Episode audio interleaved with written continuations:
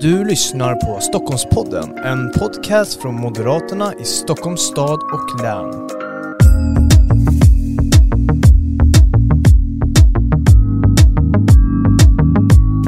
Varmt välkommen till ännu ett avsnitt av Stockholmspodden. Det här är Moderaterna i Stockholms stad och läns podcast där vi pratar brinnande aktuella frågor, politik generellt men också andra aktuella frågor i framtidssyfte. Och idag ska vi prata om en mycket speciell grej. Det är ju så här att idag när det här avsnittet släpps så är det ett år kvar till valet. Det är lördag den 11 september och nästa år är det då riksdagsval, det kommer vara regionval. Och med oss för att prata mer om det här, som är dagens tema, det är du Gunnar Strömmer, partisekreterare för Moderaterna. Varmt välkommen. Tack så mycket. Hur känns det att vara med i, i Stockholmspodden? Det känns eh, väldigt roligt och lite hedrande. Ja, du, jag tänkte att eh, vi ska väl, innan vi går in på ämnet, så vill jag ändå fråga hur du mår. För jag tänker att partisekreteraren just nu i den här fasen, det är eh, ett år kvar till valet, det är nu vi ska växla upp. Hur är det nu i partisekreterarrollen? Fullt upp? Det är fullt upp och det känns också väldigt eh, kul. Nu är det som du säger ett år kvar till valet och, och det är ju det här vi har laddat, eh, laddat för. Eh, och förberett oss för under väldigt lång tid. Eh, så nu, eh, eh nu möter vi väljarna under tolv månader för att förtjäna förtroende och också vinna valet och kunna bilda en ny regering om jag nu talar om riksdagsvalet eh, hösten 22. Så att eh, det är spännande, roligt, inspirerande. Mm. Och jag tänker att vi ska ju såklart prata om nästa års valrörelse och eh, nästa år, men, men innan det så vill jag ändå titta tillbaks lite, för du har ju varit med om en gäng valrörelser tidigare också. Eh, vilka erfarenheter, positiva erfarenheter och lärdomar kan man ta med sig till, till nästa års valrörelse? Det finns naturligtvis både ska säga, lärdomar där vi inte gjorde saker så bra vi kunde eller skulle kunna ha gjort om jag tänker på valet 18 och en hel del saker vi gjorde väldigt bra. Eh, och sen har vi Europavalet också våren 19. Eh, som vi också har lärt oss ganska mycket av. Eh, om jag ska ta fasta på några saker som kanske också stämmer överens med tror jag, de flestas erfarenhet. Det, å ena sidan handlar det om att bygga tillit och förtroende under lång tid. Det är ju det arbete vi håller på med nu och hållit på med sedan länge. Men de senaste valen visar också att det kan röra sig ganska ordentligt även i en spurt i en valrörelse. Vi hade till exempel en väldigt, en väldigt stark avslutning på valrörelsen, valet 18. Historiskt sett har man sagt lite grann tvärtom med Moderaterna. Eh, vi är ganska bra på träning men inte så bra på match. Men vi har flera valrörelser i rad visat att det är, när, det är när det är match som vi verkligen tänder till och eh, presterar. Och det är någonting positivt jag tar med mig. Vi har ett bra utgångsläge tycker jag Eh, och jag tror att vi har ännu mer att ge och, och det gäller att jobba hela vägen in till själva vallokalens stängningsklockslag. Mm. Eh, det tycker jag är en sån erfarenhet. En annan erfarenhet från Europavalet eh, våren, eh, våren 2019 är att vi då försökte vara väldigt tydliga med ett politiskt huvudbudskap. Då sa vi att vi skulle göra Sverige tryggare. Det var vårt huvudbudskap i det, i det valet. Och med en rätt stor konklusion till exempel med kärnkraft är klimatsmart, den typen av konklusion så blev det också väldigt tydligt vad vi ville åstadkomma med valet. Och där har vi väldigt många positiva grejer att bygga vidare på. Mm. Jag tänker det här med att eh, ställa om sitt mindset, för Moderaterna har ju varit nu i opposition de senaste sju åren och man brukar alltid prata om det här, framförallt i medierna, att vi ska behålla det ledande, vara det ledande oppositionspartiet. Men Ska vi vara det, tänka, ha det mindset när vi går in i 2022 eller, eller ska vi skifta och tänka något helt annat i andra banor? Men eh, eh, det är klart att eh, när man så att säga, är i opposition så är det klart det är viktigt för Moderaterna att leda oppositionen och det kapital som vi bygger upp i den rollen har vi ju också med oss in när vi nu ska återigen utmana regeringsmakten. Men jag tror du är inne på någonting väldigt viktigt. De tolv månader som är framför oss det är valåret. Och då handlar det ju inte först om vem som ska vara bäst i opposition utan då handlar det om vem som ska vara bäst att leda landet. Eh, så nu, det är den rollen som vi nu så att säga går in i valåret och konkurrerar om. Mm. Så det är klart vi ska fortsätta vara en bra opposition under de tolv månader som är kvar till valet men framförallt nu så konkurrerar vi om, om vem som är bäst på att leda landet. Mm. Jag tänker att vi ska gå vidare från att inte prata om tidigare val. Det var ju en händelserik försommar med statsminister som blev historiskt avsatt i kammaren. Eh, vad betyder det här för, för politiken och nästa val, att, att det här skedde just innan försommaren? Ja, men, eh, det går ju inte att få till ett regeringsskifte ett år före valet när man har 175 av riksdagens mandat emot sig. Det är en realitet. Eh, och det, det, visste vi och det bekräftades. Men det hände många andra saker som jag tror var väldigt viktiga. Om man ska peka på en sån eh, kan man väl säga att Vänsterpartiet valde nu att säga att vi accepterar inte så att säga en, en uttrycklig förnedring. Om vi nu ingår i det här regeringsunderlaget så kräver vi i alla fall att alla pratar med oss. Och den där tror jag, den här idén om man ska kunna, att man ska kunna styra ett land utan att prata med andra partier, den tror jag fick en, en ett, ett, grundskott eh, så att säga genom sommarens händelser. Folk eh, såg så att säga, en kris utspela sig mm. i realtid som i grund och botten handlade om att partier inte kunde prata med varandra. En annan sak som jag tycker var viktig det var ju naturligtvis att att understryka att den här så kallade mittenregeringen är helt och hållet beroende av Vänsterpartiets stöd. Det vill säga det här är i praktiken en regering som vilar på, på vänstern. Och det tredje var att Centerpartiet så att säga en gång till under den här mandatperioden bekräftade sitt stöd till Socialdemokraterna nationellt. Ehm, det är helt upp till dem om de vill så att säga, fortsätta göra det. Men det är klart att det är också en viktig konsumentupplysning till väljarna. Att om du är borgerligt sinnad ehm, och vill se en ny, en ny regering för att det är det som krävs för att kunna ta tag i Sveriges alla problem och ta fasta på alla möjligheter. Ja, då måste man rösta på Moderaterna. Mm. Det var ju som sagt en, en händelserik försommar. Vi kommer säkerligen ha en samma händelserik höst. Eh, eller vad tror du om det? Det är en budget som ska ja, igenom. Nej, men man kan väl säga så här, det har väl aldrig tror jag hänt historiskt att en regering på förhand har haft ett sånt stö, en sån stökig resa för sin budget. Jag menar, regeringens eh, budgetunderlag det sprack ju inför öppen ridå här under sommaren. Eh, eh, och sen utesluter jag inte ändå att man får igenom sin budget. På något sätt får man ändå utgå från att en regering får det. Och de här partierna som har samspelat med, med regeringen eller med Socialdemokraterna under, under mandatperioden har väl något slags intresse att ändå upprätthålla att det här har funkat. Ehm, men eh, det betyder ju inte att vi kommer att på något sätt ge oss på förhand. Tvärtom. Dels förstår vi att det mycket väl kan bli så att det är vår budget som går igenom. Att det är den som får störst stöd i riksdagen den här hösten. Och då måste det vara en budget som är bra för mm. Sverige. Mm. Också i det korta loppet. Det är det viktigaste fokuset. Och det andra är förstås att eh, understryka med den budgeten att om vi vinner regeringsmakten om ett år ja då blir det en ny kurs, en ny riktning som så att säga får ordning på Sverige. Så höstens händelser runt budgeten är liksom formativa även inför valet. Plus naturligtvis att Socialdemokraterna ska komma tillbaka till riksdagen med en ny statsminister. Eller rätt sagt en statsministerkandidat. Och då måste ju partierna en gång till, knappt ett år före valet då, eh, eh, visa sina kort om man mm. vill ha en socialdemokratisk statsminister mm. eller om man inte vill ha det. Det tror jag också kommer vara en viktig konsumentupplysning för väljarna inför valet. Mm. Jag tänker att eh, om vi nu ska lämna hösten då, då, den kommande hösten och blicka till då nästa år efter årsskiftet då, då är det ju då valåret det som man har längtat efter och den fråga man ställer sig det är ju ja, men hur ska Moderaterna då vinna valet och ta över regeringsmakten? Hur ska vi egentligen göra det? Jag tycker det är tre eh, grundslag eh, och det är inget revolutionerande det utan det är så jag tror att man vinner väljarnas förtroende. Det första är att alla andra partier eller många andra partier kommer ägna sig åt frågan vilken är vår huvudmotståndare, vilka partier är våra huvudmotståndare och vilka får man prata med och inte. Moderaterna ska vinna väljarnas förtroende genom att ha samhällsproblemen som huvudmotståndare. Eh, den grova kriminaliteten, den växande arbetslösheten, utanförskapet och, segregationen, Ehm, de bristande kunskapsresultaten i skolan, och oordningen i skolan. Eh, riktiga problem som verkligen påverkar människors vardag. Moderaterna ska ha bäst analys, den mest bitande samhällskritiken som människor känner igen sig i. Det tror jag är liksom A och O eh, för att vinna människors förtroende och kunna vinna ett val.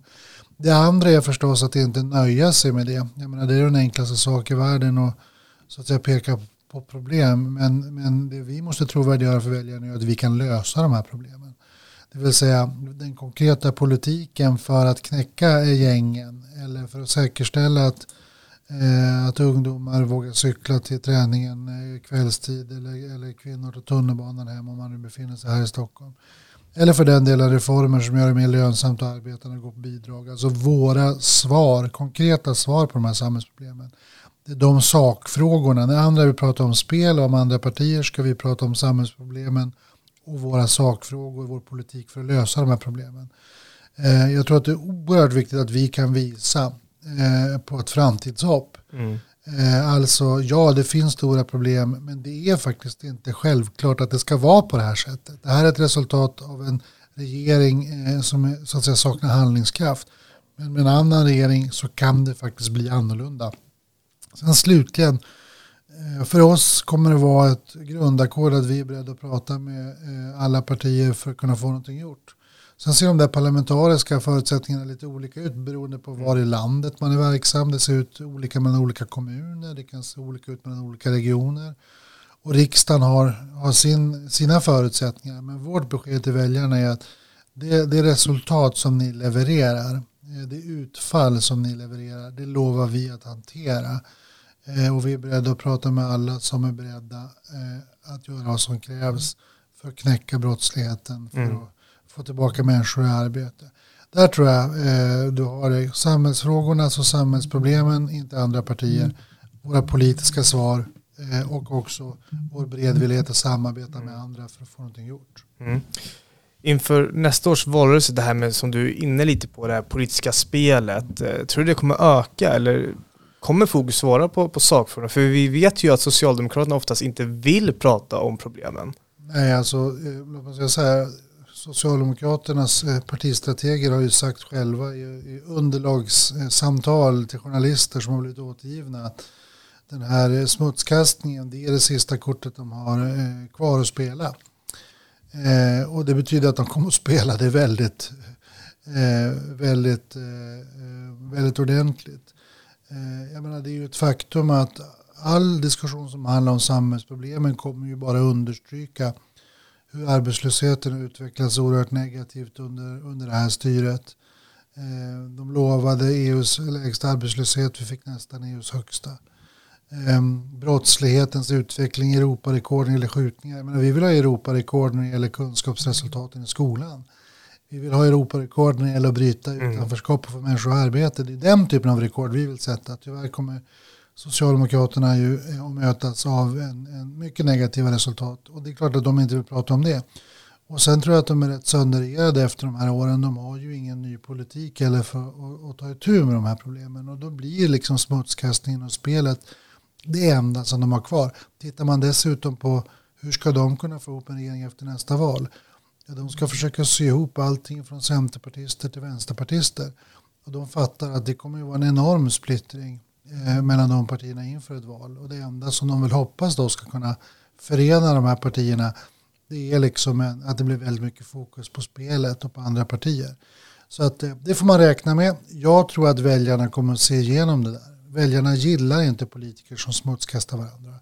Väljarna vill att man ska visa respekt också för, mm för politiska motståndare och väljarna vill prata om samhällsproblem och vår politik för att lösa dem. Så att jag känner mig väldigt trygg med att våra grundslag eh, kommer uppskattas av väljarna men jag gör mig inga illusioner om att S ska bidra till en konstruktiv valrörelse.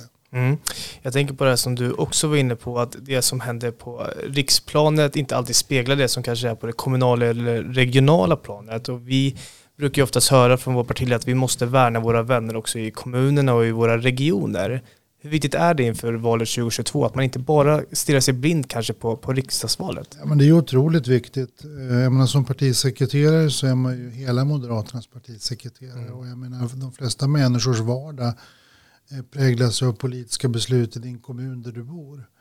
Ehm, om vi bara ser någonting kort faktiskt igenom valet 2018 så var ju det ett oerhört framgångsval för Moderaterna lokalt. Ehm, vi är med och styr över 160 kommuner i Sverige. Eh, över 13 regioner.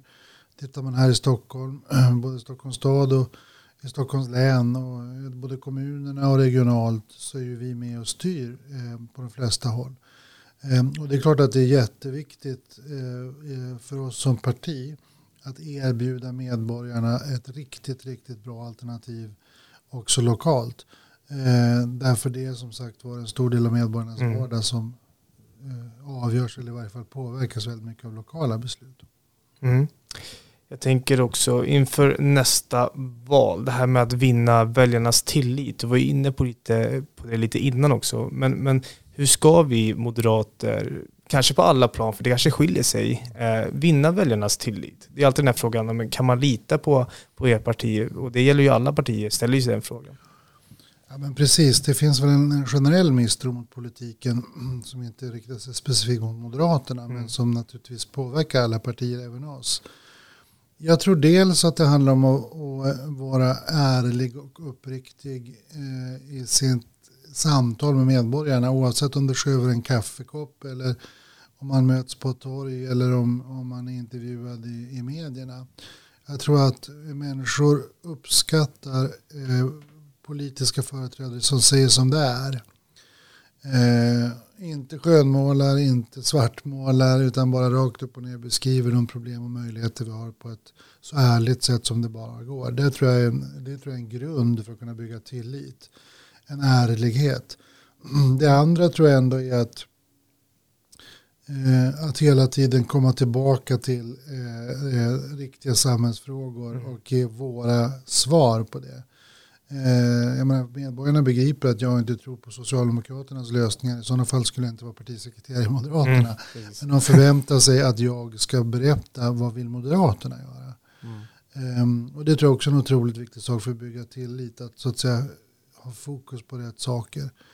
Och sen allmänt sett uppträda liksom konsekvent och omdömesgillt förstås. Mm. Eh, trots allt så tror jag människor är beredda att ge ett förtroende till någon som man upplever att man kan lita på att det nästan är viktigare, höll jag på att säga, än vad vederbörande exakt tycker i olika frågor.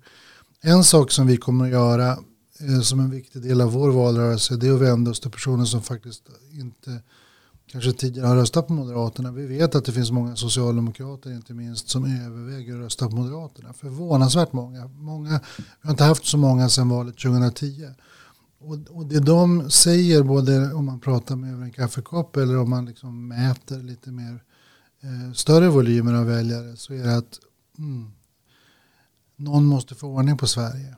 Eh, och de ser att Moderaterna har de kvaliteterna att göra det. Och de kan vara beredda att låna ut sin röst och sitt förtroende för att få det gjort. Eh, utan att för den skull förlåt, eh, skriva under på allting i Moderaternas partiprogram och det där, det där är ju nästan uteslutande en förtroendefråga. Så att mm. Du är inne på något väldigt viktigt här. Mm. Gunnar, vi ska alldeles strax ta och avrunda det här samtalet. Men innan jag tackar dig så ska du faktiskt få göra två hälsningar. Det är ju så här att idag är det ett år kvar till valet. Eh, och du ska få hälsa först kanske den målgruppen som du nyss pratade om, de som kanske inte är medlemmar i Moderaterna eller riktigt övertygade om Moderaternas politik än, men som lyssnar på det här. Och sen också en till de moderata medlemmarna som lyssnar på det här. Och jag tänker först att vi börjar med den här personen som inte är medlem och kanske inte är helt övertygad. En hälsning till dem. Och de är väldigt många. Vi talar om hundratusentals medborgare i Sverige som idag inte uppger att de skulle rösta på Moderaterna men som överväger att göra det när de kommer till valdagen. Och till, till er vill jag bara säga att jag tror att vi i grund och botten ser att det finns problem i Sverige som har vuxit sig så stora eh, att det är dags för ett skifte eh, för att få ordning på Sverige. Mm. Eh, och vi ska göra allt vad vi kan för att förtjäna ditt förtroende så att vi kan få i varje fall låna din röst och ditt förtroende eh, under, under fyra år för att visa eh, vad vi går för. Eh, så jag hoppas verkligen att vi kan under de tolv månader som är kvar till valdagen hitta varandra. Eh, mm. Det tror jag vore bra för, för, för, landet. Och till dig som är engagerad i Moderaterna vill jag bara säga att du, du behövs. Ehm, det är inte så att en partiledare eller en partiledning kan så att säga, vinna val åt ett parti utan varje medlem, varje sympatisör ehm, eh, kommer att behövas för att lika viktigt som ett eh, positivt massmedialt genomslag är den personliga påverkan som i grund och botten ligger i att människor pratar med andra människor. Så min uppmaning till dig är att eh, ta varje möjlighet att engagera dig. Vi kommer att behöva många röster Eh, och många ideella krafter som arbetar för att, eh, för att vi ska få till stånd ett skifte nationellt men också för att Moderaterna ska kunna styra eh, både i Stockholm, Stockholms stad, i väldigt många kommuner runt om i Stockholms län och, och i regionen. För vi tror att vårt ledarskap eh, också utomordentligt viktigt för en, en positiv samhällsutveckling eh lokalt. Mm. Gunnar Strömmer, partisekreterare för Moderaterna. Stort tack för att du kom till Stockholmspodden och stort tack till dig som har lyssnat. Stort tack.